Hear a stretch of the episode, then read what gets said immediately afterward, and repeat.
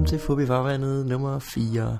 Vi har besøg af Lasse Remmer, som snakker og snakker, og det gør han lige fra starten af, så jeg vil lige øh, komme i forkøbet og præsentere ham med det samme. Øh, inden vi går i gang, jeg fortælle, at øh, jeg og Vigman er at finde i Aarhus på lørdag. Det vil sige nu på lørdag i Aarhus. Øh, det er vel den 9. eller sådan noget. Øh, der er Aarhus Comedy Festival, og Vigman og jeg laver øh, et show, hvor vi begge to med klokken 12 lørdag nat. Øh, og jeg laver et show tidligere end det, klokken 7.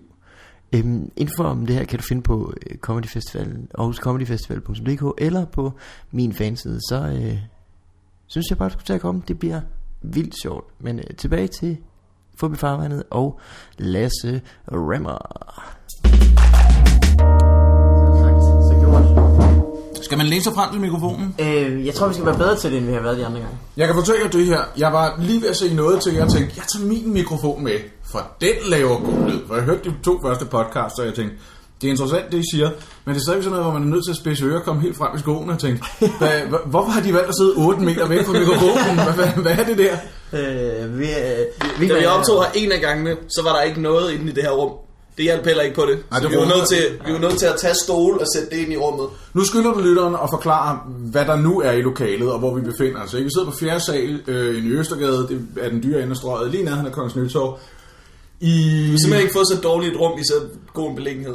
det, det er i et, i et øh, bindingsværkshus. Øh, vi er på fjerde sal. Det er et soveværelse, der befinder sig i en seng, som har et hovedgær, den slags, man typisk finder på sådan, altså hoteller af mellemklassestandard. Vi sidder ved et skrivebord, der er blevet placeret herinde, fordi det også fungerer som en form for pulterkammer.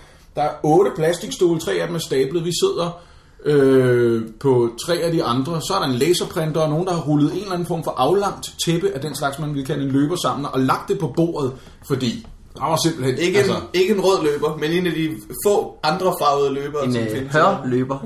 Kort og langt det er, at der er ikke særlig mange kvadratmeter til overs, vel? Altså, så nu bliver vi siddende og taler i mikrofonen. Jeg ved ikke, hvorfor jeg kiggede mig rundt, mens jeg prøvede at beskrive lokalet. Det har heller ikke hjulpet på lyden, vel? Det var virkelig dumt. Øh, Det er det dumt. tror jeg ikke gør noget. Den er sat til, øh, der er sådan en konference.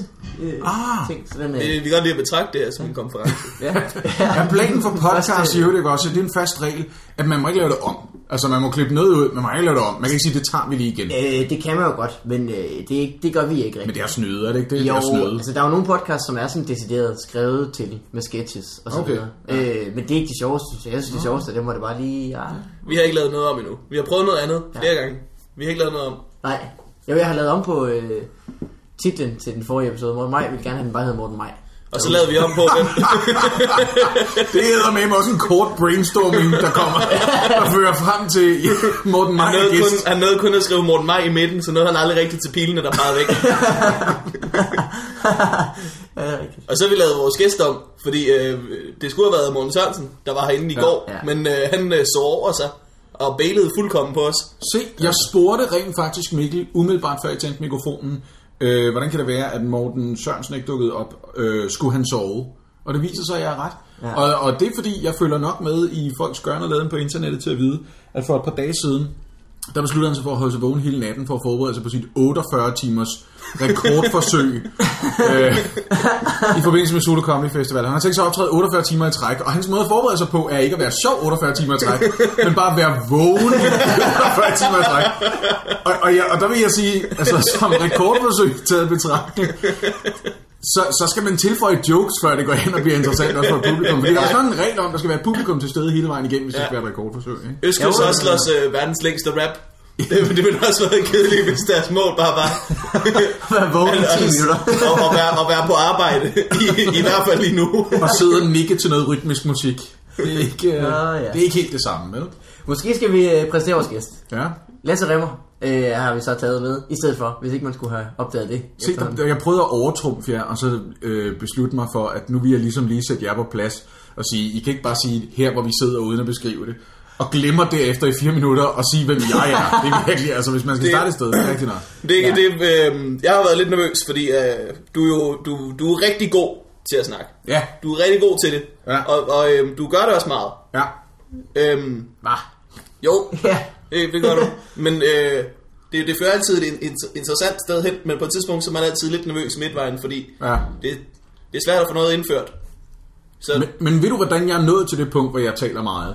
det ved at forsøge at lægge den der nervøsitet væk midtvejs og tænke, det skal nok blive godt. altså hvis, hvis man tvivler for meget på, at, at, at man har en grund til at holde ordet øh, i sin egen mund, Ja. Øh, hvis man øh, tvivler for meget på, om man er den rigtige til at løbe rundt med stafetten, så kommer der et tidspunkt, hvor man bare afleverer den vilkårligt. Ja. Og, og hemmeligheden bag, hvorfor jeg taler så meget, det er, at jeg har typisk en vanvittig tro på, og typisk, altså rigtig dårligt begrundet tro på, at det jeg har at sige er lidt mere interessant, ja. end det andre mennesker siger. Men, og jeg taler meget hurtigt, fordi jeg er bange for, at jeg ikke når at få sagt alt det, jeg gerne vil, for der er nogen, der er dumme nok til at afbryde mig. Ja. Så det er de to fejl, jeg har. Jeg troede, det var en anden form for, øh, for rekordforsøg, du var ved at... Nej, nej, nej, nej. 48 timer. Du mener, du mener livet som sådan. Ja, Øh, ja. igennem 39 år med alt for mange år. Lad os prøve at være vågen gennem hele sit liv. Jeg havde jo øh, en uge på Zoom med dig Ja. i oktober eller Ja. sådan noget. Og der opdagede jeg lynhurtigt, at, øhm, at man nogle gange så skulle man sørge for at dukke op efter dig. Ja. Fordi at når, når du går ind ad en dør, så har du altid lige oplevet noget spændende, som du meget gerne vil ud med. Jeg har faktisk Og du været kan i gang tit med få en det til at, fortælling. Jeg har til bare ikke haft nogen at 10 fortælle gange, det. så lang til, nok. øh, 10 gange så lang tid, som det rent faktisk tog at opleve det. Ja, men jeg er, ikke, jeg er ikke god til at fortælle anekdoter. Det vil jeg gerne indrømme. Jeg er ikke, det er jeg faktisk ikke. Jeg er Det er ikke, dit mest, øh, øh, dit mest kvindelige øh, aspekt. Jamen, Jeg er heller ikke, ja, det er rigtigt. Jeg er heller ikke gennemskuet endnu. Og det kan man sige også er et meget kvindeligt aspekt. Jeg er ikke gennemskuet, når jeg begynder på anekdoten, om det overhovedet er en anekdote, eller bare mig, der refererer ting, jeg har oplevet. Altså en anekdote kræver jo, at der er en eller anden form for begyndelse, en midte og en slutning. Altså en eller anden form for dramaturgisk Der er altid to af dem, i hvert fald. Og der til sidst er, om ikke et lille twist på historien, så er i hvert fald noget, der får folk til at sige, ah, det var derfor, vi skulle høre det. Ja. Øhm, og, og det, Det håber jeg, det håber jeg aldrig folk tænker. ah, det var derfor, vi skulle høre. Nå, Det igennem det her. når de er lettede, når de kommer frem ja. til pointen. Nå, det mener jeg, det er der er den der oplevelse af tilfredsstillelse, hvor man ligesom tænker, okay, nu er jeg klar til rulleteksterne. Ja. Som jeg heller ikke er bange for at læse højt, i øvrigt. og så får folk at sige, hvem var de medvirkende i den her anekdote? Åh, oh, det var en god anekdote, men hvem var best boy grip? øh, men, Du men, tit har din anekdoter også en runner, som lige er ude og henter kaffe i mellemtiden. Nødder. Ja, men altså, det, det er den primære årsag til at blive ved med at arbejde hårdt på at slå igennem som stand-up-komiker. Det er, at man kan tillade sig at stille den slags krav på et tidspunkt. Det er, jeg taler videre. Gider du hente kaffe imens? Nogen skal jo gøre det. Ja. Jeg har set, øh, øh, hvad hedder det, den blinde vinkel nu, har jeg set. Ja. En, alle afsnit faktisk. Som er det tv-program, som jeg indtil videre har lavet seks episoder af. Lige præcis. Alt efter hvornår I udgiver det her, syv episoder af på TV2 fredag. Det bliver nok syv. Det, Ja. Jeg har, set, øh, jeg har set det første, og, og det seneste. ja. Det har været rigtig godt. Jeg har faktisk ikke set det med dybvad, det passer ikke. Jeg har, ikke, jeg har set de første fem. Men der må jeg sige, der har du været god til ikke at snakke for meget. Det er jo Det er som vært i den situation. Altså, det, Ja. kan, det kan man jo sige. Det er jo en professionel opgave. Der er jo nødt til at tilsidesætte min egen lyst til bare at kæfte op. Og bare sige, for- okay, hvad har du at byde på, Huxi Bak? Så kom Ja. med det. Jamen, nu skal jeg være helt ærlig og sige, det var faktisk også noget, der tog mig et stykke tid at lære. Jeg begyndte at lave radio i 2003, og en af de ting, jeg var rigtig dårlig til i særdeleshed det første halve år, når det galt interviews, det var at stille altså helt enkle spørgsmål til folk, fordi jeg var så forfængelig, at jeg ikke ville have, at lytterne troede, at jeg ikke selv havde et godt bud på svaret. Så typisk, typisk noget jeg også at svare på spørgsmålet, bare lige for at understrege. Det er altså ikke sådan, at jeg spørger, fordi jeg ikke ved det. Altså, og det er virkelig, virkelig en dårlig interviewteknik at have. Altså det toppede, da vi havde besøg af Clemen Kærskov, altså, og, og, og nogen havde forberedt et spørgsmål som for eksempel, hvordan kan det være, at USA ikke bare bomber Osama Bin Laden? Altså, og, og, altså det, det kan de jo bare lige, det kan ikke være så svært at få ramt på ham, mens jeg tænker ved mig selv, jeg kan ikke stille det spørgsmål uden at understrege. Jeg er klar over selvfølgelig, det er meget mere kompliceret end som så. Men det er jo selvfølgelig hans svar, kan man sige. Og en gang ja, Men man jeg kan nødt til- forstå, du, du er perfekt, men hvis det er Clemen Kjærsgaard, du skal spørge. Ja, men det hvis det. bare har været sådan stille og rolig hyggeinterview, Ja, altså det er typisk, hvis det er en 12-årig pige, der er kommet for at fortælle om et ponyridestævne, så nytter det ikke noget at sige, hvad for nogle heste rider I på? Jeg er selvfølgelig godt klar over, hvad det er for nogle heste, I rider på. Men, øhm, men det tog det halvt år, så fandt jeg ud af, det er ikke så farligt. Det er ikke så farligt. Altså, Nej, det er jo en anden rolle, man har jo ikke... hvis man spørger i øvrigt med det rigtige glimt i øjet og den rigtige intonering, så kan man forhåbentlig også få folk til ligesom at tænke, ah, han kender svaret, han eksaminerer bare andre. ja. Altså, fordi der er jo heller ikke nogen, der nogensinde har siddet i en eksamenssituation og tænkt, hvorfor spørger de om alle de her ting? Ja. Ved de det ikke? Det er også, øh, ja, du har aldrig set sådan en dokumentarfilm, der bare blev lavet af en virkelig dum mand, der ikke vidste noget, men bare var desperat for at finde svar. Nej, det, det er rigtigt nok, altså, men man skal til gengæld være god til at foregive, at man ikke rigtig ved noget. Ikke? Altså, man vil sige, Michael Moore skabte en stor karriere på at lave dokumentarfilm, hvor han har foregivet at være dummere, end han var. Altså. Ja, Ja. men jeg tror ikke, der er nogen, der rigtig er faldet for den. Jeg elsker jo et dokumentarfilm. Nu introducerer Ja, jeg den ja, vi har snakket dokumentarfilm med Elias, så lad os da bare tage det Jeg igen. er så tosset med dokumentarfilm. Jeg har prøvet at anbefale om ting. Nogen har han så set i forvejen, andre har han ikke set i forvejen. Jeg har Vi, set et øh, par øh, Werner Herzog-film på det seneste. Ja. Grizzly Man og The White Diamond, og begge to strålende. Det er, jeg har ikke fået set nogen af dem. Det skal du virkelig gøre. Vi så, øh, And he has a Elias wonderful går, accent. så uh, Into Eternity, har du set den? Nej. Og den er sgu meget fed. Ja. Det er en dokumentarfilm om, øh, hvad hedder det, hvor vi gør af radioaktivt af- affald. Nå, det Og så er de ved at. Det bygge et kæmpe stor øh, underjordisk øh, sted og lægge det i Finland, i Onkalo eller sådan noget. Nå. Men det er en meget uhyggelig film. Det er også fordi alle snakker med finsk accent. det er jo ikke, den ville overhovedet ikke være uhyggelig eller spændende, hvis det bare var amerikanere, der havde bygget det Jeg et synes sted. altid, øh, når man ser folk fra Finland, så er de altid metaltøj på. De har det er altid en hem, sort hem-t-shirt og så langt sort fedtet hår. Hvad er metaltøj? Øh, de øh, Nå, ledder. nå! Ja, ledder. Metal. Du, du mener tøj, metal. Ikke- tøj der fungerer som mener en hyldest til musikgenre. Han mener ikke rustning. Nej, det var lige præcis det, jeg tænkte. Jeg, havde, jeg, jeg tænkte, det her det lyder som om, du er gået i gang med øh, øh, observationkomikernes fornemmeste funktion, nemlig at påstå, at det altid er på en bestemt måde, Ja. men ingen kan ikke genkende til Kender det, man bare møder, øh, Ja. møder en, en finlænder eller en finde? Man er ude af Hvordan kan det være, at folk på Roskilde Festivalen altid har dumme hatte på? Det, det har de heller ikke. Nogen har dumme hatte på. Mange har. Er faktisk rigtig mange. Okay, præcis det var faktisk en korrekt observation lige Ja. præcis det her. Det må jeg Det jo er reglen, men men det er altså. undtagelsen. Der var mange, øh, der havde klappet, hvis det havde været et stort amerikansk Ja, one-man-show. hatten. Så havde de sagt, ja, folk på Roskilde Festival har altid hatte på. Damn right, they have. Øhm, men dokumentarfilm, det er sikkert også udforsket sammen med Elias så. Altså har jo den samme øh, funktion som en god anekdote. Ikke? Altså de, i sidste ende skal de leve op til, at der er en dramaturgisk udvikling i tingene. Det er derfor de Jo, bedste ja. dokumentarfilm handler om konkurrencer. Ikke? Altså fordi der er man i stand til at lave sådan en Rocky-agtig fortælling, hvor man præsenterer ja. nogle deltagere, stiller nogle forventninger op, portrætterer kampen om at blive den bedste, uanset om det er den bedste til at spille Donkey Kong, eller om det er den bedste til at røre ved en bil. Jeg fandt en fantastisk dokumentarfilm for 15 år siden. Sådan en øh, hold, Det handler om, hvor man skal røre, holde hånden på en bil længst, han- han og så den, der holder den længst, får lov til at beholde Ja, den. Hanson og Det har jeg hørt Hardbody. Du har, har du set den nogensinde? Jeg har ikke set den, men jeg har kun hørt om, at der skal- findes den slags konkurrencer. Nu skal jeg fortælle jer, hvorfor anslaget er så fantastisk. Det er en bilforhandler i en fattig amerikansk sydstat, som en gang om året udlodder en pickup truck, som altså er uden for rækkevidde for en lang række af de mennesker, der bor i oplandet, fordi den simpelthen er for dyr for dem, men samtidig et udtryk for den amerikanske drøm, en mulighed for at være mobil og for at kunne gøre, altså for at øh, kunne udrette, hvad man vil, køre hvorhen man vil, flytte, hvad man vil. Øhm, nå, det er en del af det. Ja. Øhm, øh, og det fungerer sådan, at man går ned og lægger sit navn i en krukke, og det kan man gøre en gang hver dag. Så trækker de et navn op hver dag, som bliver en af deltagerne, og så tømmer de krukken igen, og så skal man selv gå derned. Nogle er nødt til at gå ned til forhandleren, fordi de ikke har en bil. Så der er Øhm. 365, nej, der er 200 business days, ikke? Jo, jo, jo, men Så altså, sådan det begynder sådan et par måneder før. Eller Nå, okay, så det er ikke ja. hele Og året. det er også mange folk, der skal stå og Ja, det er 365 mennesker. Så er man glad for, at det. er en stor amerikansk pickup truck i hvert fald. Øhm, Nogen så- sidder op i ladet. Det er meget nemt. Der er ingen, der har fået en dårlig plads. Åh, oh, satans. Øhm, og det er en ren og skær udholdningskonkurrence, der handler om, hvem kan røre ved bilen længst. Hands-on og hardbody hedder konkurrencen, fordi pickup trucken hedder en hardbody, det er modellen. Mm. Øhm, og man skal, man skal røre ved den i 55 minutter ud af en time, eller 115 minutter ud af to timer, så har man 5 minutters pause, eller sådan noget. Så skal man tilbage og røre igen. Så en del af det er også bare ren og skær. Du skal holde dig stående og vågen. Det er stort set det eneste i virkeligheden, det det handler om. Det er en ret ondskabsfuld konkurrence på den måde. Ja, for der er ikke nogen, der står ved siden af bilen og holder sig vågen og glemmer at røre ved den. det vil være virkelig godt. Det er faktisk en del Ah, satans. Det er jo så interessant nok en del af historien, fordi så får man selvfølgelig præsenteret nogle af de deltagere, som er legnet op. Og den film har et fantastisk anslag, fordi den præsenterer en mand, der vandt konkurrencen to-tre år tidligere. Og han siger, jeg ved, hvad jeg går ind til. Jeg ved, hvad der skal til for at vinde den her konkurrence. Jeg har stået i den situation. Jeg ved, hvordan jeg skal disponere mine kræfter. Jeg ved, hvordan det er, når man begynder at se syner undervejs. Fordi man simpelthen begynder at blive deliriøs efter sådan noget to-tre døgn, ja. hvor man har stået op. Jeg ved, hvordan man undgår blodpropper i benene. Alle de her ting, man skal undgå. Jeg tror rent faktisk, at den eneste, der ville have en chance for at slå mig i den her konkurrence, det ved jeg ikke, det ville være en fyr, som måske lige er blevet færdig som jægersoldat eller sådan noget. Klip til en af de andre deltagere, som han lige har på, som siger, og så er jeg jo forresten lige blevet færdig som jægersoldat. og så er vi klar til konkurrencen. Altså, det er et fantastisk anslag Ja, til, til en dokumentarfilm.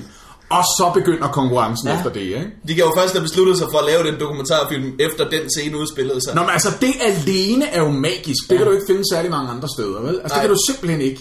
Øhm, og jeg elsker den slags konkurrencefilm. Altså, der er jo sådan en kvinde, som øh, øh, er overbevist om, at Jesus synes, hun skal have den bil. Hun er så born again Christian, at hun en gang imellem lader sig overmande af Helligånden og bare står og griner begejstret. Og, og det viser sig at være en af de ting, der gør de andre deltagere virkelig vrede. Klapper. Hvilket kræver, at hun løfter sin hånd, mens hun står, Haha, Jesus, og hånden tilbage på bilen. Og de prøver igen og igen at råbe øh, konkurrencearrangørerne op og sige, du, gud, hun, hun røg ved bilen hele tiden. Men det er som om, fordi det er Jesus, der får hende til det, så vender folk det blinde øje til. Ej, Øhm, kunne, det ikke være nogen, kunne Jesus ikke få nogen til at slå hende? det, ville være, det, ville være en løs, det ville være en løsning på tingene. Den, jeg, jeg, fandt den, jeg fandt den på DVD og afleverede den til en af mine gamle venner fra Film og Medievidenskab, som anmeldte den i BT, mens han arbejder som anmelder der. Men ellers er der ikke nogen, der har set den. Altså, jeg købte den bare på nettet. Jeg skal- Den jeg ikke, øh, låne- det er sådan bare en anbefaling. Hands on Hard Body. Virkelig god film. Det er, den er region 1, så du er nødt til at have en regionsfri afspiller. Men oh, alle afspiller ikke det efterhånden. Og, Find den Nej, på nettet. ikke vores Playstation eller Xbox. Men nu er jeg nødt til at downloade det jo. Nå. Jeg forstår ikke, hvorfor vi har regionskoder. Hvad skal man med det? Du kan se på din computer jo, hvis du vil. Det kan godt være. Så kan man, Det tror jeg heller ikke engang, jeg kan. det der VLC-program, det kan, det kan, det kan. Det er faktisk rigtigt. Ja. Er det Ej, det er ikke Kyle? sikkert. Men det hvorfor, hvorfor skal vi gøre alting mere besværligt ved at have regionskoder? Det er jo, øh, det er jo filmselskaberne, der er idioter. Altså, altså, jeg har ikke nogen Blu-ray-afspiller, men jeg har hørt, at det er forfærdeligt. Man kan jo ikke skippe over, man kan ikke spole over reklamerne, og man, altså, det, de har endelig fået deres vilje, og det gør bare, at øh, nu er der ingen, der gider at have det. Det er irriterende, at det skal være så svært at, at være øh, lovlydig, når det kommer til, Virkelig. til noget så simpelt som DVD'er. Hvad end du køber en DVD, så skal du se den der lange trailer for, at du ikke skal stjæle DVD'er eller downloade dem på nettet, hvor du sidder og tænker, jeg har lige købt den. Giv mig en fucking break her. Du taler til de forkerte mennesker. Ja, det er fuldstændig rigtigt. det, kommer, det virkelig, rammer virkelig alle de forkerte, og man har lyst til at downloade den, efter man ser det, bare så man kunne slippe for det der helvede. Det ville være som at købe en cykel til 4.000 kroner, og bagefter skulle igennem et 5 minutter langt foredrag fra en betjent, som siger, forresten, du skal jo lyves på, man må ikke stjæle den slags her. Så lige på, altså det er der nogen, der gør, og jeg kan godt mærke, at du måske ikke er typen, men du skal stadig lige vide, det er forbudt jo. Jeg ved godt, hvad I gør. Jeg ved godt, I tager det der med låsen og sparker. Jeg ved godt, hvad I gør. Ja, det, det, men jeg, i det hele taget, jeg synes, at de øh, danske kampagner har været pænt tåbelige. Altså dels fordi, da de første gang begyndte at sætte øh, øh, tekstskilte på biograffilm for at understrege, du må ikke tage et videokamera, eller for den sags skyld mobilkamera med, og sidde og filme fra lærredet, og så lægge det på internettet bagefter. Så valgte de at gøre det, og jeg ved ikke, om jeg udtaler navnet på fondet rigtigt, men de valgte at gøre det med Comic Sans. Altså, Ja. den der barnagtige, tåbelige Nå, fonden skrifttype. Ja. Lige præcis, de valgte at sætte det med en skrifttype, ingen kan tage alvorligt. Antipiratgruppen, altså som er som er organet for de her dyre distributionsselskaber, eller rige distributionsselskaber, vælger så den mest naragtige skrifttype i verden til at kundgøre deres budskab. Det er Hej. det dummeste, man kan gøre. Du skal vælge et eller andet Ja, seriøst i de, stedet for. de har siddet og tænkt, skal det være den eller Windings? Men du kan heller ikke gøre det med wingdings for helvede. Bauhaus. Det er det. Du skal, du skal jo gøre det med et eller andet. Du skal gøre det med et seriøst fond, der udtrykker et eller andet. Altså, Alle kigger på, øh, på skiltet med, med Comic Sans og tænker, jeg kan ikke komme til en børnefødselsdag. alligevel." det er lige præcis det. Og så følger de op med de der ting, hvor de får danske skuespillere og filminstruktører til at lave de der ting. Men jeg tager lige et par kopier til Jeg tager lige et par kopier til tænker man, det er ikke det samme. Det er slet ikke det, er ikke det samme. samme. Når du tager to par ekstra cowboybukser, så mangler de i butikken. Ja. Det er ikke det. Det er ikke, det jeg samme, hvis han havde. Jeg stået i butikken og lavet cowboybukser. Præcis. Og sagt, jeg, jeg laver lige et par kopier til vennerne. Håber Præcis. jeg. Jeg, jeg syr lige et par kopier af jeres designs og sælger dem videre. Altså, og jeg siger ikke, det, jeg siger ikke, piratkopiering er rimeligt. Jeg siger bare, at du må kunne præsentere din sag bedre end det. Ja. Ja. Fordi det er ikke den samme situation. Det er også det, og det, jeg har fået sådan en Apple TV, og det gør det simpelthen så nemt at lege film. Det, Ja. det gør det faktisk, det, det er nemmere for mig at lege film nu, end det er at downloade det. Og Ja. jeg er om nogen en nørd, så jeg har det nemt med at downloade. Og det, gør, det nu er jeg begyndt at betale for. Altså. Du skal have amerikansk iTunes så, ikke? Jo jo. Det har vi også fået derhjemme. Det er også øh, røvbesværligt, men kan lade sig gøre. Og man er virkelig man glad for det. Købe sådan nogle gift cards, men... Øh, Teknisk, teknisk set er det vel også en af den slags ting, som de bare kan tage fra en igen, men Apple har ikke så travlt med at håndhæve det. Men det er jo en af den Ja. slags ting, hvor man kan sige, hvis man bliver præsenteret for terms and conditions, som siger, du skal altså være amerikaner, og hvis du siger ja til, at du er det, og det viser sig, at du ikke befinder dig i USA, mens du bruger det her, eller du ikke er amerikansk statsborger, så kan du tage fra det, men det vil Apple ikke, det gider de jo ikke. Så må man også være amerikaner. Det er jo ikke at stille op til præsident. Man Nej, nej, nej, nej, nej, nej, nej, nej. Hvis det er det i øvrigt, øh, nu er det jo til synligheden bare en situation, hvor vi fri associerer. Altså, jeg kan jo ikke komme ind nogensinde med... Det er Jeg plejer faktisk at starte med at spørge folk, hvordan, hvordan det går. Men Nå. jeg kan mærke, at det går bedst med dig, når du... Når, du Når jeg taler om noget andet, eller Ja. ja. Jeg kan sige, det her det er jo stadigvæk, hvordan det går med Lasse. Det er, bare, det er lige gået Stadig op godt. for mig, det her. Det synes jeg bare er en anden lille sjov ting, som jeg tænker over for tiden, der ikke har en skid med mig at gøre. Øhm, det er gået op for mig, at øh, øh, byggematadoren Donald Trump i USA virkelig for alvor pynser på at stille op til præsidentvalget i 2012. Ej, nej, nej, nej. nej. Sandsynligvis som republikaner, muligvis som uafhængig, men sandsynligvis som republikaner. Og det er altså jubeltider for demokraterne i USA lige for øjeblikket, for det viser sig, Donald Trump har svært ved at fremskaffe øh, øh, en fødselsattest. Er det rigtigt? Ja, det har han virkelig svært ved at gøre. Øh, blandt andet fordi til synligheden er han født på Jamaica. Jeg er ikke stensikker på, at det er det er sandt. I skal bede mig om at google det første. Korte og lange det er, det han er kommet med, det er et fødselsbevis og sagt, nu må det ligesom være færdigt. Men så er de der kritiske, demokratiske, lidt sardoniske kræfter været ude at sige, øh, øh, det er teknisk set ikke, øh, altså det skal bare, det skal du bare lige vide, du skal bare Ja, lige vide ja. det her. Ja. Øh, du har præcis de samme problemer, som øh, folk har hævdet Obama havde. Det skal du bare lige vide. Ja. Det skal vi lige være enige om, for du får lov Ja. til at stille op. Og det, altså, hele understrømmen er helt tydeligt, men altså, selvfølgelig får du lov til at stille op. Det er Ja. jo ikke det. Ja. Det får du der, fordi sådan er vi jo ikke. Vi er jo ikke idioter jo. Så selvfølgelig får du lov til det. Du skal bare lige vide. Vi kunne vælge at være idioter, hvis du er Jeg havde, jeg havde været en meget større douche omkring det. Hvis, hvis jeg havde ret. Jeg havde virkelig Jeg været havde douche. lortet det over min evighed. ja. Bare sagt, under ingen omstændighed skal du have lov til noget, jeg ikke fik Du lov får til. lov, du, du, ja, det er godt, du er født på Jamaica. Du får lov til at stille op til præsidenten. Hvis du bliver, så skal dit indsættelsestale være med jamaikansk accent. Det gad man faktisk godt. Du kunne du sagde, du skal, du skal have dreadlocks på. ja, man. Undskyld mig, men altså, vi kan også bare blive enige om, når det gælder Donald Trump, vil han ikke se meget dummere ud med dreadlocks. vel? Nej, nej, nej. Det vil han ikke. Det være meget værre frisyr. Det vil være et større projekt. Nå, men skal vi vende tilbage til sporet? Jeg er sikker på, at der er noget, du gerne vil, du vil gerne holde en dagsorden med. Jeg vil gerne er klappe lidt. Det hele tror jeg, alle er glade for. På Nu, det. vi, vi har snakket om Øh, er vi har snakket om at tale meget, vi har talt om anekdoter, og intet af det har, men det er bare mig, der taler. Jamen, det er okay. Vi plejer at starte med at høre, hvordan det, øh, det går. Øh, Skal vi starte med dig så? men altså, det er jo egentlig også for at komme i gang med et sniksnak. Men jeg- det, men det prøvede du også at komme i gang med i øvrigt ved at sige, nu har jeg set den blinde vinkel. Det går rigtig godt, blandt andet på grund af det program. Det er jeg rigtig glad for at lave. Ja. Så tak fordi du bragte det på banen for efterhånden 20 minutter siden. Jamen, øh, det øh, er det virkelig et strålende program, det- og det går også godt med seertal, kan jeg se på Twitter.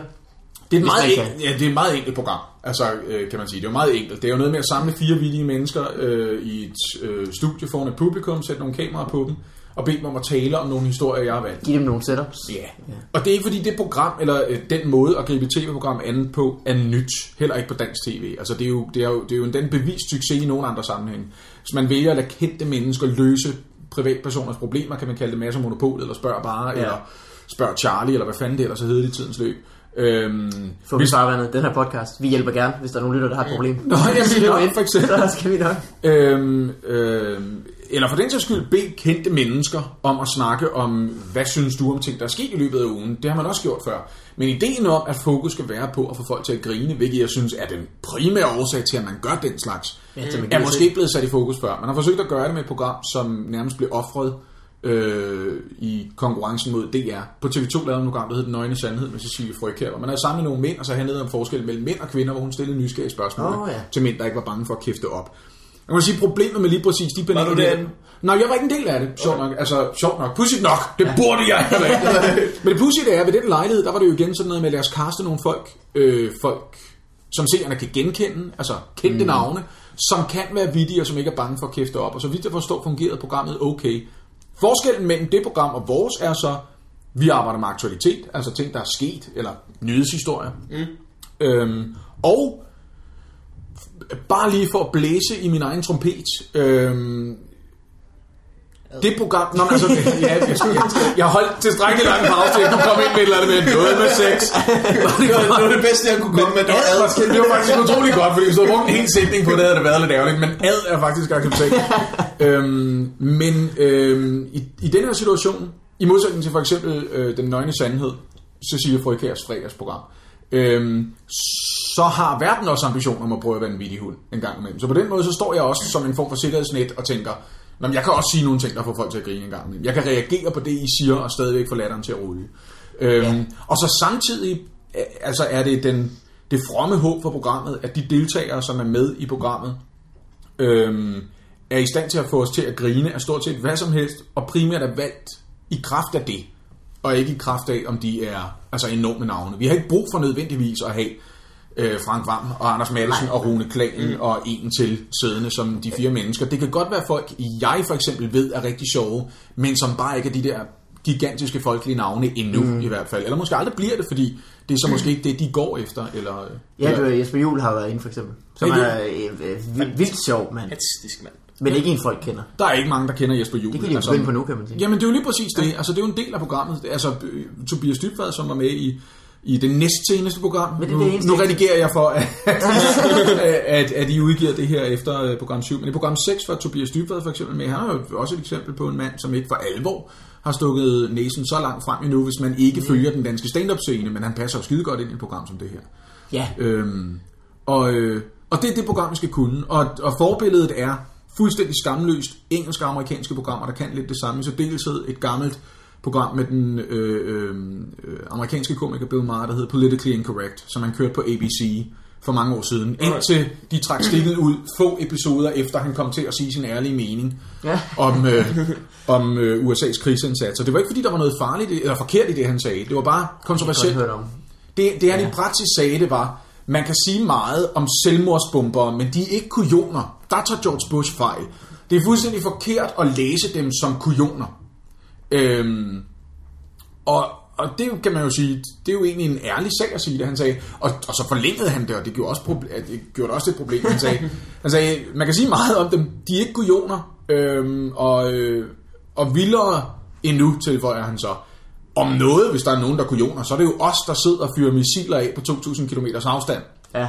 Det siger man ikke om det amerikanske militær. Heller ikke selvom det, heller ikke selvom det i hvert fald på det amerikanerne vil sige, kalde face value er rigtigt. Altså det er jo sandt nok, kan man sige, at, at den forsigtige og den øh, forbeholdende løsning er jo ikke selv at risikere livet. Mm. Øh, mens man kan sige, ikke bare risikerer man livet, hvis man flyver et fly ind i et stort hus. Det kommer til at koste en livet. Mm. Nu har der så været teorier fremme om, at, at de fleste af øh, terroristerne i forbindelse med 9-11 faktisk ikke vidste, at de skulle dø. Altså de var ikke klar over, hvad planen var. Nå. Der var kun der var kun måske en eller to i hvert fly, der var klar over, hvad planen var. Det var dem, der var pilotuddannede, mens de andre bare var klar over, at de skulle være med til at kapre et fly.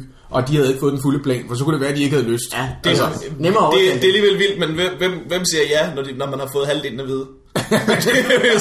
hvad skal de stå og holde gislerne hen i det der fly? tænke, Hvad, hvad, der, er hvor skal vi hen? det, der er et stop i planen her efter kl. 13.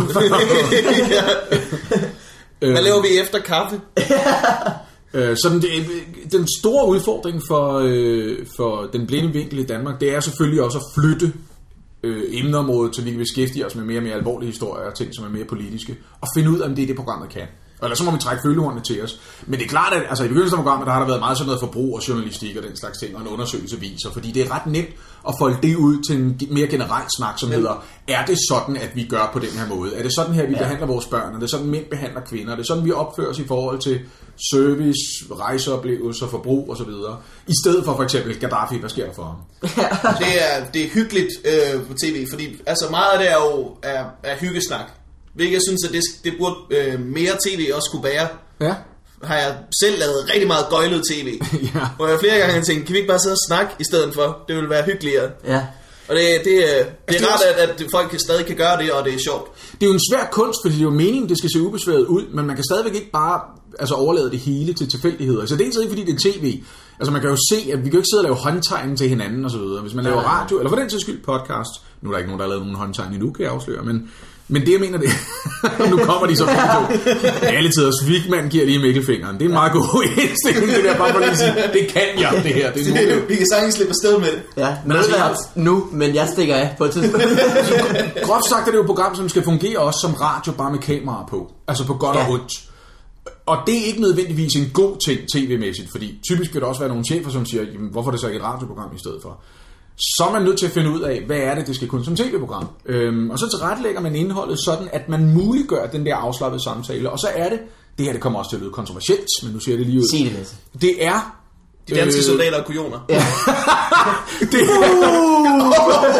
det er, det Der er, lige en sandhedsbombe Der røg karrieren nu. Røg. det er med... Det var det selvfølgelig ikke, men der sagde det. Det var Lasse, der sagde det. det var, altså det gælder for den blinde vinkel, som det gælder for det morgenradio, jeg har lavet rigtig mange år, øh, for nogle år siden også. Øhm, det, det gælder, at de fem mennesker, de fire gæster og verden, man er i selskab med, skal, skal være seernes mulige venner eller bekendte, men bare sjovere end de er. Altså det skal være de sjoveste venner, du har. Ja. Det skal være det, det middagsselskab, du sandsynligvis ikke kan holde selv, fordi så sjove er dine venner ikke. Og på præcis samme måde gælder det, at morgenradio skal være de andre mennesker ved bordet, der er helt anderledes veloplagt og glade for dagen, end du er. Så du kan sidde og holde kæft og afløse dit turmuleri, mens du sidder og spiser havregryn med, oh. hey, nogen kickstartede lige det gode humør ved at være mine venner, der altid er gladere og sjovere at have mere overskud, end jeg har. Så det er Groft derfor, sagt, øh, altså. der er komikere på morgenradio. Jeg har tit tænkt på, hvorfor skal det være dem, der altså, har den mindst morgenradiovenlige dagligdag? Det er så dumt, at dem, der er ude til klokken 11, ja, klokken 2 hver, hver nat. Ja, det er fuldstændig rigtigt. Altså for mit vedkommende koster det jo også konkret fire år, hvor jeg overhovedet ikke rykkede mig en centimeter som komiker, fordi det er jo umuligt at stå klokken 10 om aftenen på en åben mic og skulle op klokken 4 næste morgen. Altså den rytme kommer ikke til at fungere. Mm-hmm. I særdeleshed ikke, hvis man som jeg på det tidspunkt lige havde fået det første barn. Altså fordi så bliver man også vækket, når man sådan sidder og kommer i seng. Så, så, så valget endte bare med at blive, jamen, så coaster jeg lidt comedymæssigt i rigtig lang tid. Og det kan man sige, hvis man gerne vil være en god stand-up-komiker, det er ikke en god ting. Men så prøvede jeg at blive en god radiovært i stedet for, så lærte jeg ligesom noget om det. Ikke? Jo, det er da sikkert også øh, kommet dig til gode med din... Øh, du laver meget tv nu, du har lavet live for Bremen i flere år. Og Ja, nu det her.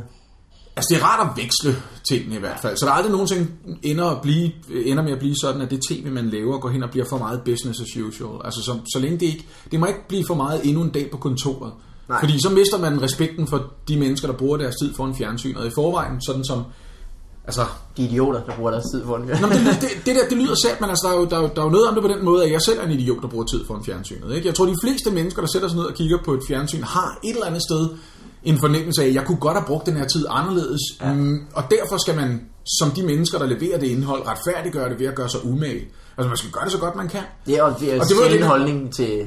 Eller det ved jeg ikke. Måske, der er mange, der gør sig umage med at lave tv, men, Ja. ja. men, der, men der er sgu også øh, mange steder, hvor de indholdsmæssigt tager øh, og springer over, hvor gaden laves. Altså, Ja. ja. Jeg synes virkelig... Øh, jeg, jeg, jeg, jeg får sådan lidt ondt i maven, når folk ser for meget Paradise, for Ja. eksempel.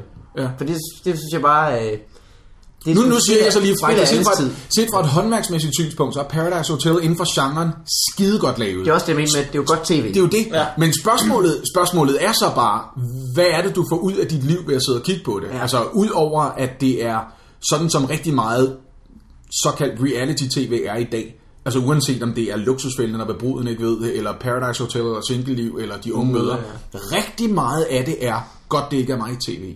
Rigtig meget af det er tv, der giver seeren en fornemmelse af, mit liv er trods alt federe. Jeg er bedre styr på min private økonomi. Jeg er ikke kæreste med en kvinde, der opfører sig på den måde. Øh, hold nu kæft, jeg er glad for, at jeg ikke er 22 år gammel og single og render rundt og opfører mig som en idiot og siger dumme ting på tv og knaller for åben kamera. Ej, hvor er jeg glad for, at jeg ikke er ligesom idioterne i single-liv. Undskyld, hvis du er en idiot, der er med i single-liv. Men du er sandsynligvis en idiot, hvis du er med i single-liv. Øh, hey, hvis jeg havde fået børn i en yngre alder, så er jeg sikker på, at jeg havde klaret det bedre end de unge mødre, for eksempel. Altså, jeg mener, det- det er skadefro tv, og det, på den måde kan man sige, at det er jo ikke sund tv i en vis forstand. Altså fordi det, det er jo ikke noget, der for alvor ruster os til at klare livet bedre. Udover den kendskærning måske, at der er, er et alibi, for eksempel luksusfælden, som hedder, øhm, vi giver dig nogle tips til, hvordan du håndterer din private økonomi. Uanset om det står så skidt til, som de her tosser. Ja, hvad skal man sige? Ja. Ja. Det er jo det, der retfærdiggør det på, på, det, på en måde. Ja, det- ja, det er jo alibiet, kan man Ja, sige. det, er det, det kan da godt være, at, at, øh, at folk de lige... øh, Det kan godt være, at folk ser det, og så tænker, det kan godt være, at jeg også lige skulle få lidt mere styr på mine penge. Eller folk ser de unge møder og tænker, kondom, helt klart. Ja. Men det er virkelig, Altså, med hende der. Men det er pudsigt, så man har en tendens til ligesom at tage sin egen moralske standard eller sin egen kvalitetsstandarder. Det er ikke et angreb på dig, Mikkel. Det er bare sådan generelt. Det, det tror Ja. jeg, alle mennesker gør. Man tænker ved sig selv, det jeg godt kan lide, eller det jeg synes er godt, burde egentlig være den generelle standard. Det burde være det, alle er enige om, Ja. øh, er godt eller skidt. Og det er derfor, jeg synes, at de mest idiotiske kommentarer, der overhovedet dukkede op til, hvad jeg, eller Frank Vam, eller Kasper Christensen, eller Lars Hjortøj lavede i årene umiddelbart efter mandrilaftalen, tog afsæt i den dundertale, Kasper prøvede at lave udenad, som jeg havde tag, øh, skrevet, der lå i det aller sidste program. Altså, den rigtige tekst, tror jeg, faktisk blev trykt i information bagefter. Men den handlede bare grundlæggende om... Øh, øh, Jeg husker det. Ja, og den var oprigtigt ment, selvom Kasper afleverede den, som om den var en lille smule, og vi stod og poserede lidt. Ja. bevidst, alt for konfrontatorisk lige præcis, og gik ud af døren til, hvad vi havde besluttet os for, skulle være det mest fæsende fyrværkeri, du nogensinde havde set, og hård rockmusik. Så altså sådan lidt selviscenesat, men samtidig... Og lederjakker på. På, samtidig, Flere- det var, men det var Kaspers idé. Kasper sagde helt konkret, gider du ikke skrive en tekst, som siger, hvad var egentlig pointen med den mediekritik, der lå i mandrilaftalen? Fordi den bedste måde, vi kan tage røven på folk, det er ved at mene det sidste, vi siger.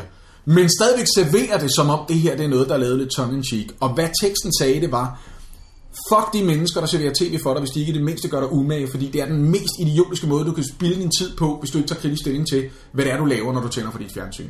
Groft sagt. Så vælger jeg så at blive vært på Jeopardy umiddelbart bag. øh, øh, Kasper, er Kasper og. Frank går i gang med at lave øh, langt fra Las Vegas, og straks falder folk over både mig og Kasper og Frank og siger, "Hvad, undskyld mig, men havde I ikke lovet os at lave øh, præcis det samme i en evighed? Vi skal lave mere ligesom subversiv tv. Hvorfor det ikke jer, der ligesom Michael Bertelsen? Fordi måske var det det, vi gerne ville gøre godt. Altså det var det, der var pointen. Jeg ville gerne lære at være en god tv-vært, og jeg gjorde mig umage. Og jeg gjorde det lidenskabeligt, fordi forhåbentlig har folk sidenhen gennemskuet.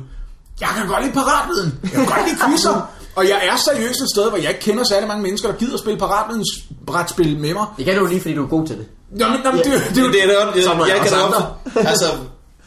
Du, du er en rar fyr sådan noget, men du er ikke den, jeg helst vil spille paratvidenspil med. Nå, men det er jo lige præcis, nå, men det er jo, nå, men det er jo lige præcis det, der er pointen. Altså, det var, at, at, at øh, hvis nogen havde spurgt mig, og det var der et par stykker, der gjorde, men de fleste mennesker tænkte bare deres eget. Hvis nogen havde spurgt mig, så havde jeg sagt, der, altså, jeg har altid været meget begejstret for programmer som Jeopardy, og der var ligesom to muligheder for at komme i nærheden af det. Det var at prøve enten at blive deltager i det, og så er man kun med med i fem programmer, eller blive vært, og så kan man lave lige så mange, man gider.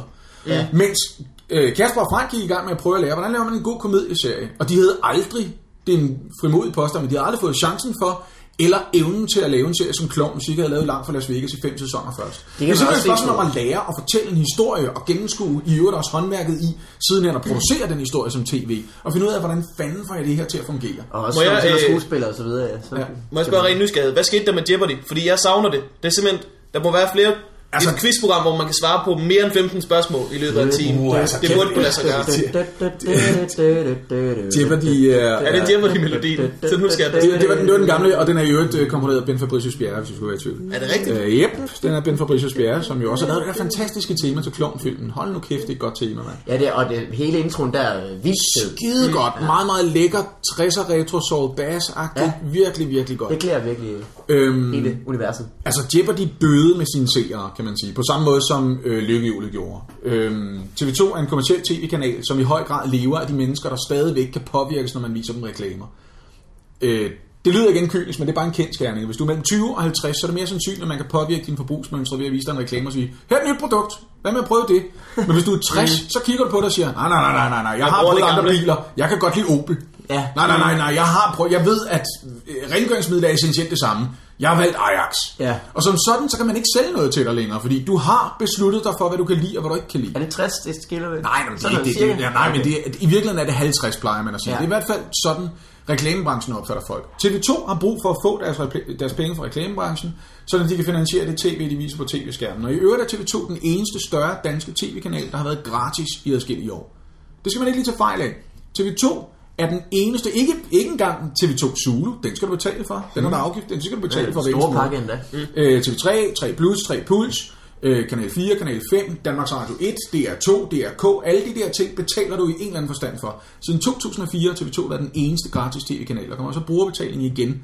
Men der, er, der har trods alt været 6-7 år, hvor en stor dansk tv-kanal har stopfodret danskerne med underholdning, og alt hvad de har bedt om til gengæld, det er, bliv lige hængende lidt i reklameblokken bare en gang imellem. Og man kan se på seertallene, at det er under halvdelen af seerne, der gør det.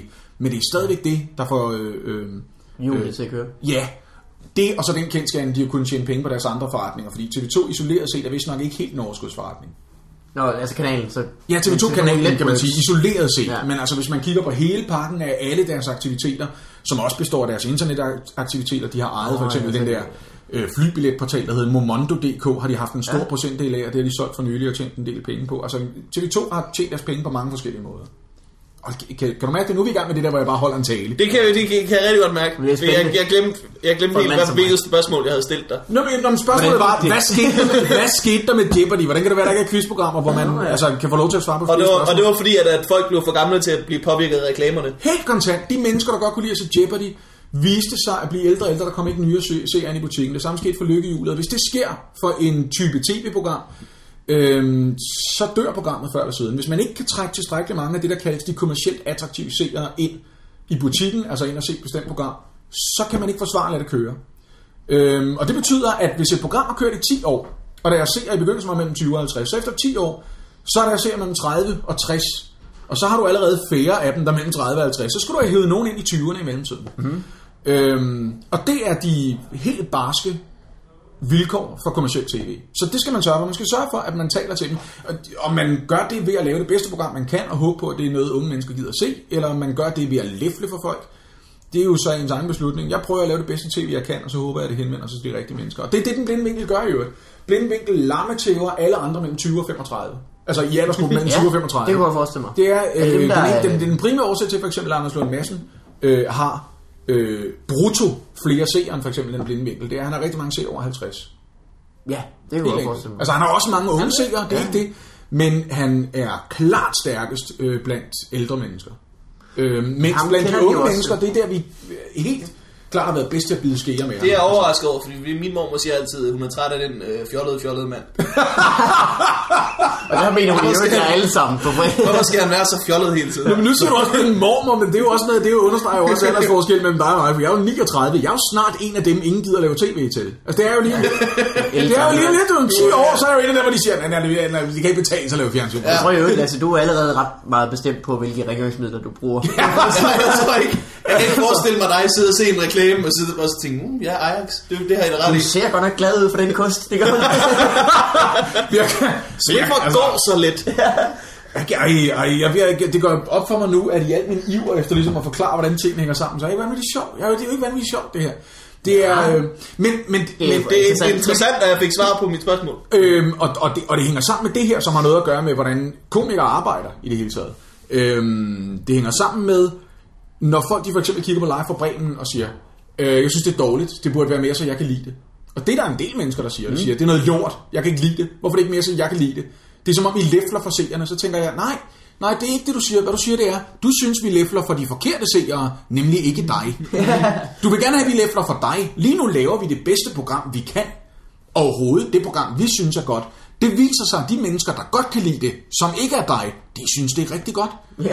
altså, Så det har mange serier stadigvæk? Øh, øh, altså, Live for Bremen er ligesom alle andre programmer, der ligger så sent øh, i sendefladen, afhængig af at programmet før også tiltrækker rigtig Ja. mange seere. Øhm, og typisk har i de fire sæsoner Live for Bremen har kørt, der har det fungeret sådan om foråret, der har DR lammetævet TV2 med X-Factor, og om efteråret, der har TV2 lammetævet, ej ikke lammetævet, men tævet. Danmarks Radios øh, talentprogrammer med Vild med Dans. Så det vil sige, at seertallene for Live for Bremen er øh, bedre om efteråret, hvor Vild med Dans allerede har hævet halvanden million seere ind i butikken, mm. og så bliver en million hængende og ser Live for Bremen. Ja. I løbet af foråret, der er der måske 600.000 seere eller sådan noget på Live for Bremen. Men de er unge, og de kan skide godt lide det. Mm. Øh, TV vurderes af de mennesker, der sidder med en lille boks, der måler, de ser tv på en skala fra 1 til 5, hvis man beder dem om det. Så trykker de, kan jeg godt lide det? 5.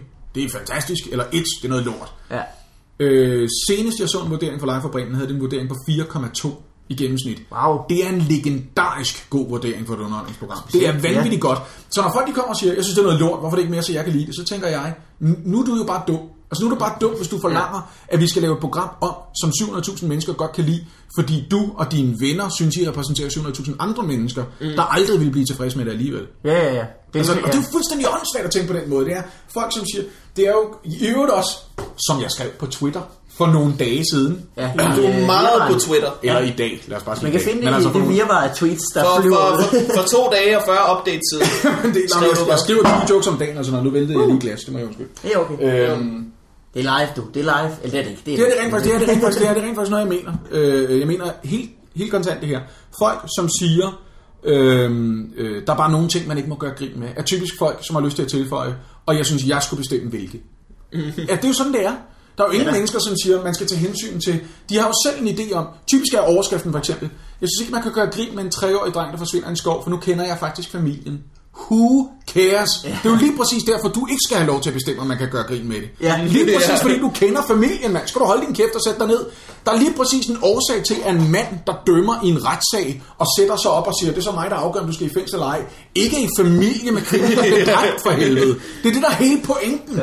Det er, at du kan kun tillade dig at have noget synspunkt om den slags, hvis du ikke siger, for eksempel, øh, nu for eksempel, min øh, lille søster, øh, er psykisk syg. Så jeg synes faktisk ikke, man kan gøre grin med skizofreni. Må du holde din kæft. Ja, Du kan holde din kæft. Selvfølgelig kan du ikke. Nå, men jeg kan se, men lige præcis, nej, du kan ikke, at det hun siger. Eller- øh, man kan ikke gøre grin, men nej, du kan ikke. Jeg kan godt. Jeg, Du kan det er godt. sådan, det er Der sådan, er din lille søster er rigtig dårligt stillet det er, hensyn til at gøre hvad er ikke, det er den amerikanske komiker Anthony Jeselnik, der kommer til Danmark til september, opdagede jeg. Ej, min det er- Det, øh, vil jeg gerne øh, påtage mig en, en kvart, øh, en, en, Kvart en del af æren for. Fordi Ja, vi, fordi vi optræder, kommer vi er nogle drenge, der optræder øh, hver onsdag Ja. ja. på Bisbjerg Comedy Corner på Nørrebro, og vi tjener ikke nogen penge på, på det. Nej.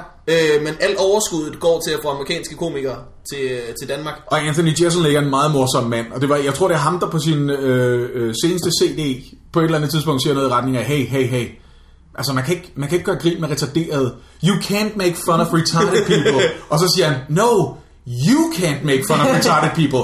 I'm awesome at it. altså det er jo virkelig, virkelig sjovt sagt, fordi det er det, det handler om. Fordi hvis argumentet for eksempel var, du må ikke gøre grin med retarderet, fordi for eksempel så har jeg en kusine, der er retarderet. Mm. Så vil jeg kunne svare, det er sjovt, jeg har to kus- kusiner, der er retarderet. Jeg synes, man skal gøre grin med dem, og det er dig, der burde komme i gang. Altså det er jo det, der er så bagvendt Ja. ved det, ikke? Altså, Men også, Han siger, øh, han, han har sådan en virkelig fed joke, hvor han siger, at han har lige lavet en øh, joke om handicappede mennesker. Mm. Siger han, some of you are thinking, you can't laugh at handicapped people, because I, I actually know someone who's handicapped. I have family that's handicapped. And if you do have family that's handicapped, you shouldn't even be here. You should be at home, laughing at your kid. det er sjovt, det er sjovt jokes. Det er grundlæggende skægge, skægge jokes. Altså han skriver gode jokes. Han kommer til Danmark i september. Det kan jeg lige sige, hvis man bor i København. Så er det prøv at kabre en af de der, eller opland, prøv at kabre en af de der ganske få billetter, der til synligheden bliver til rådighed i september. Jeg, jeg, og, jeg, og jeg tænkte mig selv, kan det passe, at det lykkedes for Jacob Havemann at booke Anthony Jeselnik? Så går jeg ind på Jeselniks side, og det viser sig, at at det er booket ind mellem sådan en optræden i Chicago og New York. Der er der lige BBC-lygten Danmark kilet ind mellem, altså weekenden før er jeg i Chicago, og weekenden efter er jeg i New York. Så skal jeg også lige til Danmark undervejs. Jeg, Det er jeg tror stadigvæk ikke helt på det. Altså sådan, i mit hoved er han lige nu en af, altså sådan en af de bedste komikere i verden, jeg har han vandt Han er en af dem, der har de øh, bedste sjoveste album jokes. på Punchline Magazine Ja, sidste år. præcis, ja. præcis. Øh, øh, med det album, der hedder Shakespeare, som altså er... Virkelig godt. Ja. Jeg, hørte, jeg skulle høre det to gange, før jeg var virkelig på. Men Altså, gang altså også titeljoken er eddermame også god. Altså, Titeljoke, Ja, titeljoken, du ved, man kan lære, man kan lære nærmest alt af at læse Shakespeare. Ja. Det kan man. Hvis det for eksempel ikke havde været for Romeo og Julie, så tror jeg, at dengang min kæreste havde begået, begik selvmord, der ville jeg klart have overreageret. det er en sjov joke, mand. Og kæft, hvor er det godt. Det er jo en, det er jo en tåbeligt god joke. Altså, Ja. Og jeg får godt nogen købet op i afleveringen her, men det gør man jo altid, når man citerer andre menneskers Han har en god øh, øh, præstation, Han- han, han, han, han er- han er You can virkelig- And now let me learn you something. Ja.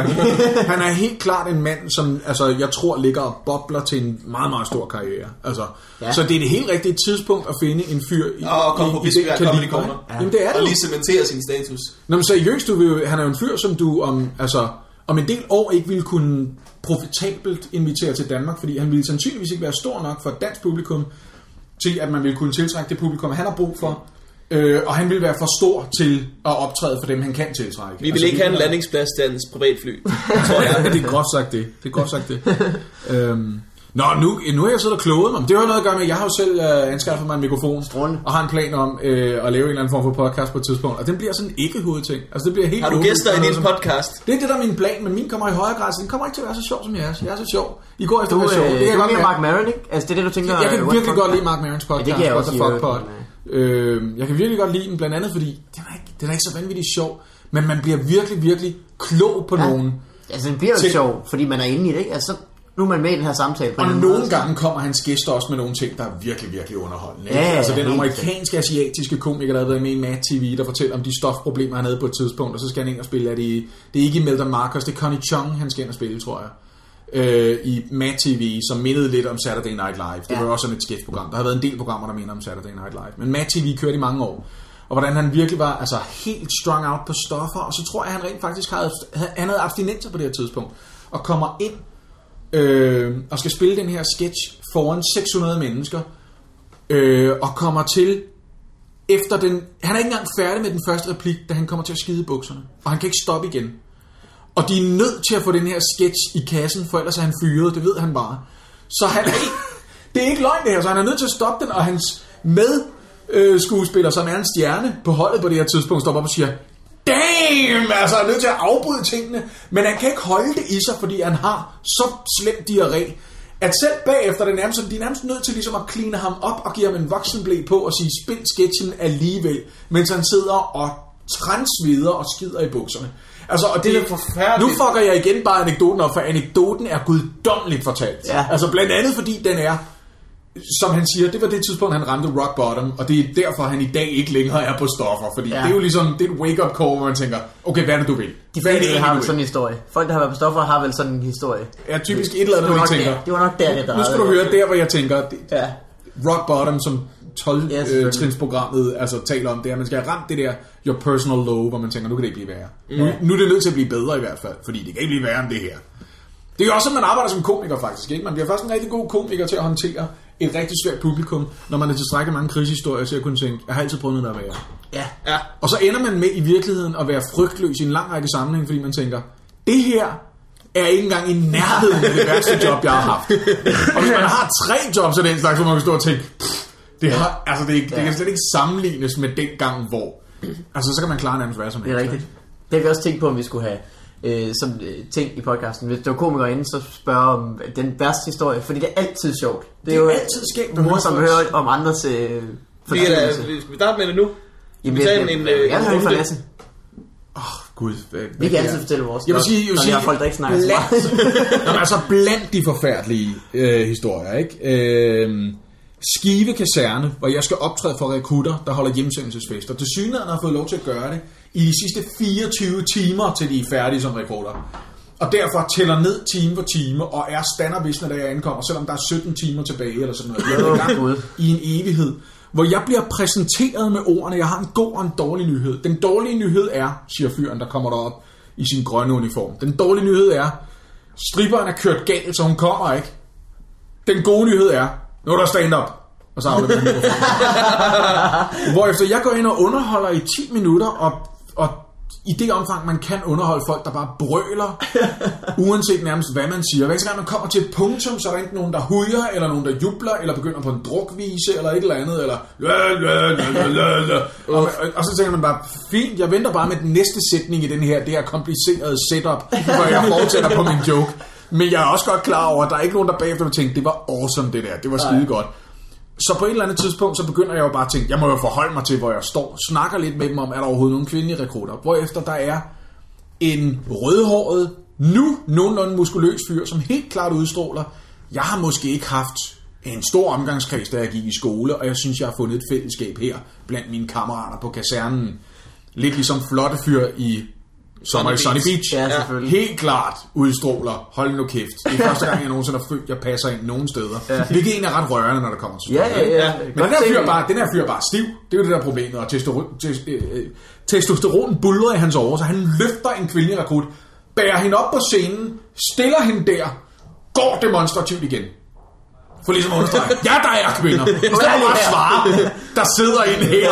Så løfter han hende og bærer hende op på scenen, efterlader hende deroppe og går tilbage derned øh, øh, på sin plads. Hvorefter jeg begynder at kommentere det sære i det, og siger, jeg, jeg, jeg, det var egentlig bare et spørgsmål. Altså, det, du må godt hente hende igen, hvis det er. det er ikke det. Jeg kan ikke bære hende tilbage. Jeg er en svækling. Jeg er en eller anden gang, hvor jeg skal stille op nu. Jeg kigger på hende og siger, du må egentlig godt gå tilbage. Det gør manden rasende til synlædende.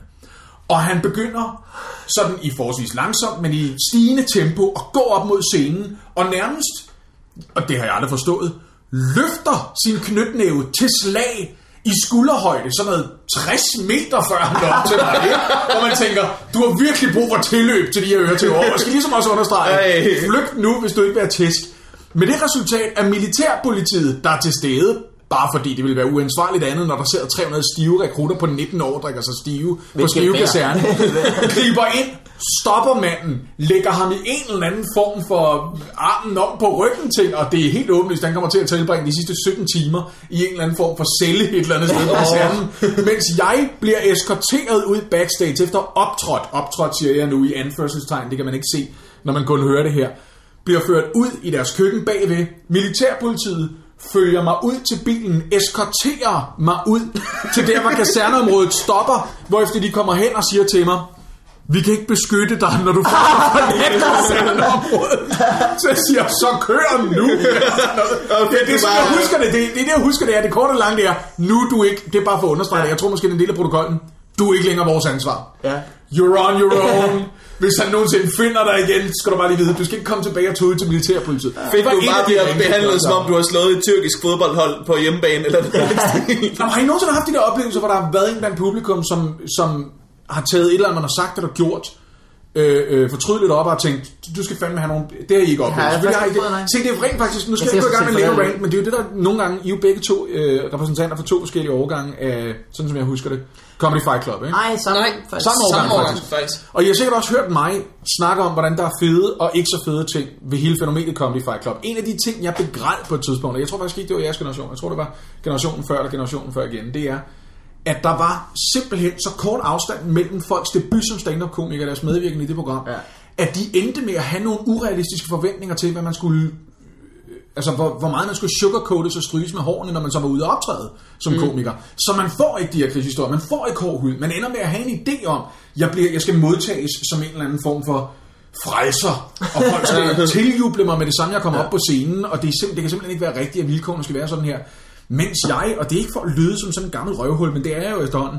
Jeg har optrådt i 18 år efterhånden. Jeg har prøvet at, at, at komme, altså blive skubbet ind på danskgulv på et diskotek, der åbnede samme dag kl. 24 som uannonceret stand-up-komiker, hvor de har skruet ned for 20'eren Limited og sagt, så er der stand-up! Og så har man fået mikrofon i hånden og fået at vide, der er ikke nogen scene, så du er nødt til at stå oven på den her højtaler, som din egen stemme kommer ud af.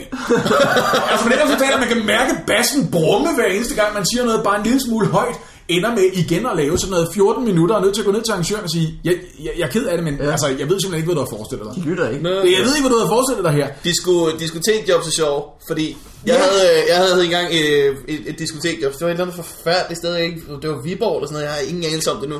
Øh, hvor der var heller ikke nogen scene. Øh, men dansegulvet er blevet clearet. Øh, Hvad? Hele dansegulvet. og, og samme DJ, der sagde, så er der stand-up, stand-up, stand-up. og så, øh, så står jeg der på dansegulvet, og øh, jeg, jeg stiller mig sådan lidt op ad en væg, for, og, og der bliver faktisk dannet sådan lidt en halvcirkel, så det er ikke så slemt. Jeg tænker, jeg kan arbejde med det her. Ja, ja, ja, ja, der er publikum øh, Og så pludselig verdens dummeste dørmand. Det er verdens dummeste dørmand. Der er mange, som er lidt dumme, han er den dummeste i verden. Han, øh, han går over, og så, så vil han have, at jeg skal flytte mig under mit show, fordi jeg står foran branddøren. Hvor jeg sådan, prøv at, hvis det brænder, så flytter jeg mig. Jeg har ikke tænkt mig at blive stående og færdiggøre mit show, hvis der bare går ild. så man er jo til at flytte mig. Hvor jeg sådan, og, og, der, og det er så lille en hal, halvcirkel omkring mig, at jeg tænker, "Men hvis jeg skal flytte mig, så skal alle flytte sig. Ja. Så skal alle flytte sig en halv meter. Kan du ikke bare vente, så siger vi, at vi ikke tænder ild det næste kvarter. Ja, det er ikke en tommelfingerregel, at mennesker er aldrig nogensinde i vejen for en branddør. Nej. det er jo aldrig nogensinde, mennesker er jo aldrig nogensinde. Det, I sagens natur kommer du til at fucking flytte dig. Det er så dumt, Du at man ikke, at man ikke må bruge en brandtrappe. Ikke bare sådan, der er jo ikke nogen, som hvis, hvis det brænder, så bare hænger ud på den stadig. som, som, lige, som bliver ved med at sidde derude og ryge smøgen. Ja, det er rigtigt. Jeg tror faktisk, at der er en amerikansk komiker, der har oplevet præcis det samme på et tidspunkt. Jeg synes bare, jeg kan huske den sætning, like in the event of a fire, I'm not gonna move. Hvem fanden? Nå, det er heller ikke vigtigt, men det synes jeg Det er er. Ja, Det, det men det jeg mener, det er bare, at, at den rødhårede fyr på Skive Kaserne, ikke? jeg kunne simpelthen ikke se grunden til, at han ville op og slås, udover det bare var, jeg ved ikke, hvordan jeg skal reagere på det her, så jeg er så socialt utilpasset, jeg tænker, slagsmål er en mulighed. Ja. Det er altid en mulighed. Især hvis man er så tæt på ty. Øhm, men jeg har da altså omvendt oplevet de der situationer, hvor man tænker, her burde jeg have fået et par på hovedet. Altså fordi, ja, Ja, ja. ja. altså jeg som kok i 23 år, jeg kiggede på en fyr, der faldt i søvn på første række på Comedy Zoo, og blev så personligt fornærmet over, at han vågede og sove, mens jeg optrådte, at jeg gik hen og slog ham i hovedet med mikrofonen. Hårdt i et omfang, så han nærmest begynder at bløde fra panden. Ej. Og der tænker jeg mig selv, hvis jeg havde været ham, så havde jeg mig op og sagt, Det finder jeg mig ikke i. Ja. det finder jeg mig ikke i. Men når jeg talte i søvne og afbrudt og selv i det tilfælde, så burde man jo være bedre til. Altså, det burde Det- jo det være en gave. viser Hvis du meget- en klub, så ville du elske, hvis dørmanden kom ned og sagde, flyt dig, du står i vejen. Fordi så ville, hvis du havde publikum i forvejen, så ville du tænke, det er jo fucking, det er jo en gave. Ja, ja, nogen, hvis man, hvis, hvis man er flyvende, så er det jo sjovt, at Det det sker. det. Det Ja. viser meget forskel på, på os to, kan det godt være, at du vælger at slå vedkommende. For jeg har oplevet det samme, Ja. hvor at, øh, jeg valgte at gøre det, at jeg kiggede på publikum, og så snakkede jeg med nogle af dem, som var faldet i søvns venner, som bare sagde, at han har været æskestiv hele dagen. Ja. Det har ikke noget med dig at gøre. Så sådan, nå, nå, men øh, skal vi prøve at kilde ham lidt?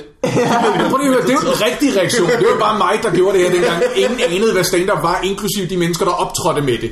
Altså, det er jo det, der var problemet dengang. Ja, men mange mennesker gjorde virkelig dumme ting, fordi man ikke havde gennemskud, hvad man kunne, og hvad man skulle kunne gøre i den situation. Ja, jeg husker, jeg lyst til at snakke vedkommende. folk. Du skal snakke med folk omkring dem og gøre det til en joke. Ja, altså, ja, ja, ja. Du er nødt til at finde ud af, hvad kan vi gøre, hvis en fyr sover et offentligt sted? Hvad kan vi gøre? Der er jo practical jokes i massevis for det første, og for det andet bare grundlæggende nysgerrigheden. Ja. Hvad fanden, hvad, hvad for en dag har han haft? Det er jo altid... Ja. øh, Jeg Nu ved jeg jo i dag sur over, at jeg ikke tog et billede af det. Min datter på tre falder jo i søvn, hvis hun har været bare lidt for tidligt op, så falder hun i søvn klokken 4, men at voksne mennesker gør det et sted, ja. hvor de betaler 180 kroner for at sidde. det er med en dyr måde at få sådan en lur på. Altså, det er jo bare...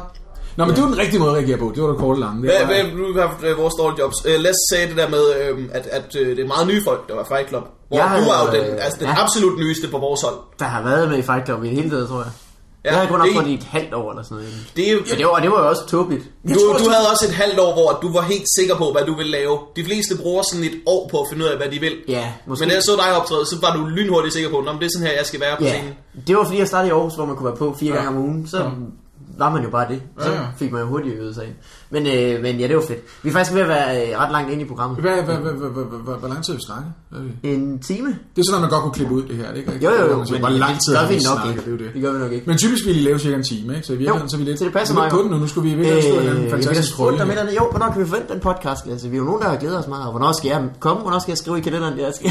Det er egentlig meget, det er meget interessant, at du siger det, fordi jeg vil jo godt begynde at udspørge dig om det, for eksempel. Jeg er jo meget nysgerrig efter, hvad er det, der gør forskellen mellem, øh, hvordan jeg oplever nogle af de mennesker, der har været igennem Fight Club-møllen, og som ender med at stå nærmest helt doven et eller andet sted og sige bagefter, det kommer virkelig bag på mig, at jeg ikke fik fem minutter skuld ud af at begynde at stille publikum spørgsmål, de ikke var interesseret i at svare på, for eksempel. Uden at nævne navne på, hvem det er, jeg oplevede at gøre det, men hvor jeg bare tænker, men det er fint, at der opstod noget magisk sidst, men det var muligvis, fordi du var heldig. Du kan ikke gå ind og prøve at replicere den situation. Du skulle til at skrive nogle fucking jokes i stedet for. Ja. Altså, så du altså, ligesom var forberedt. Og hvis man har gjort det i et halvt år, så står man allerede et andet sted med hensyn til, hvad man gerne vil. Jeg melder mig ud af den her beef.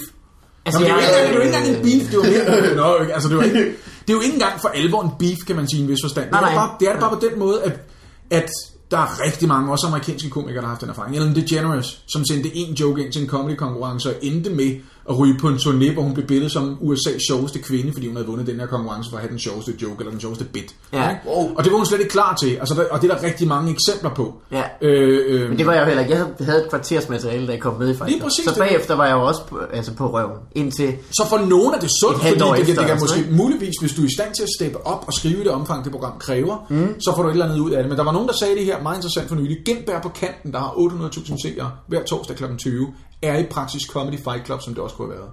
Ja, og det er et strålende program i øvrigt. Jeg har ikke set det endnu. Det er Men fedt, det er at han tager til som, tager ud og øh, oplever noget, og så optræder han med stand-up baseret på sine oplevelser bagefter. Det er. Comedy Fight Club, bare om udkants Danmark med en mand, der har optrådt i 20 år. Ja, det er virkelig uh, DR Comedy Fight Club. Det er det jo bare, Ja. med, bare med én mand, der så ikke er et nyt talent. Det er ikke en talentkonkurrence, fordi Nej, og så kan Gentberg, man sige- Gentberg har bevist sig, kan man Ja. sige. Så har han haft uh, MC og Dorset til at hjælpe sig også med at skrive og sådan Ja, noget. Så det er ja, også godt. Ja. Det er fint stand-up Ja. også og sådan noget. Så det, jamen, det, det er virkelig godt. Og der har jeg også hørt fra folk i min familie.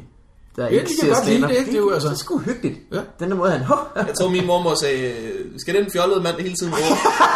Men det er jo også det, Ja, men den er fjollet. Det, det har også, og det, det er bare for at nå i mål med et eller andet i alt mit ikke-hovedsnak, øh, det har også en nerve, som skyldes autenticitet. At Gindberg ikke bliver, for eksempel iscenesat, som i det her afsnit skal I lege supersælgerne, for eksempel. Ja. Gindberg, i stedet for at få at vide, tag herned, fiskeribranchen er ret stor i den her by, hvad med at tage ned på havnen? Så tager han Ja. ned på havnen og snakker med nogle mennesker. Og, Og det er det. Altså, det er, han, han opsøger selv sine erfaringer, så at Ja. sige. Ja. Og det er jo også, set fra et komikersynspunkt, meget nemmere at skrive om bagefter. Fordi man har en mulighed for at vælge det til og fra, og selv finde ud af, hvad for nogle spørgsmål man stiller. Man Ja. ja. bliver ikke stillet over for en opgave, som hedder, så skulle vi jo være badetøjsmodeller. altså, det er jo ikke, øh, og så bagefter skrive øh, jokes om det, og der er 12 mennesker i øvrigt, der skal konkurrere om at skrive den bedste joke om den samme erfaring. Ja, ja, ja. Altså, han er jo en mand, der, der ligesom stiller sig op og bare siger, Og hele programmet er jo pakket ind i selvjuni. Altså det er jo al- altså, altid... Og så mødte jeg ham der, og han var skør.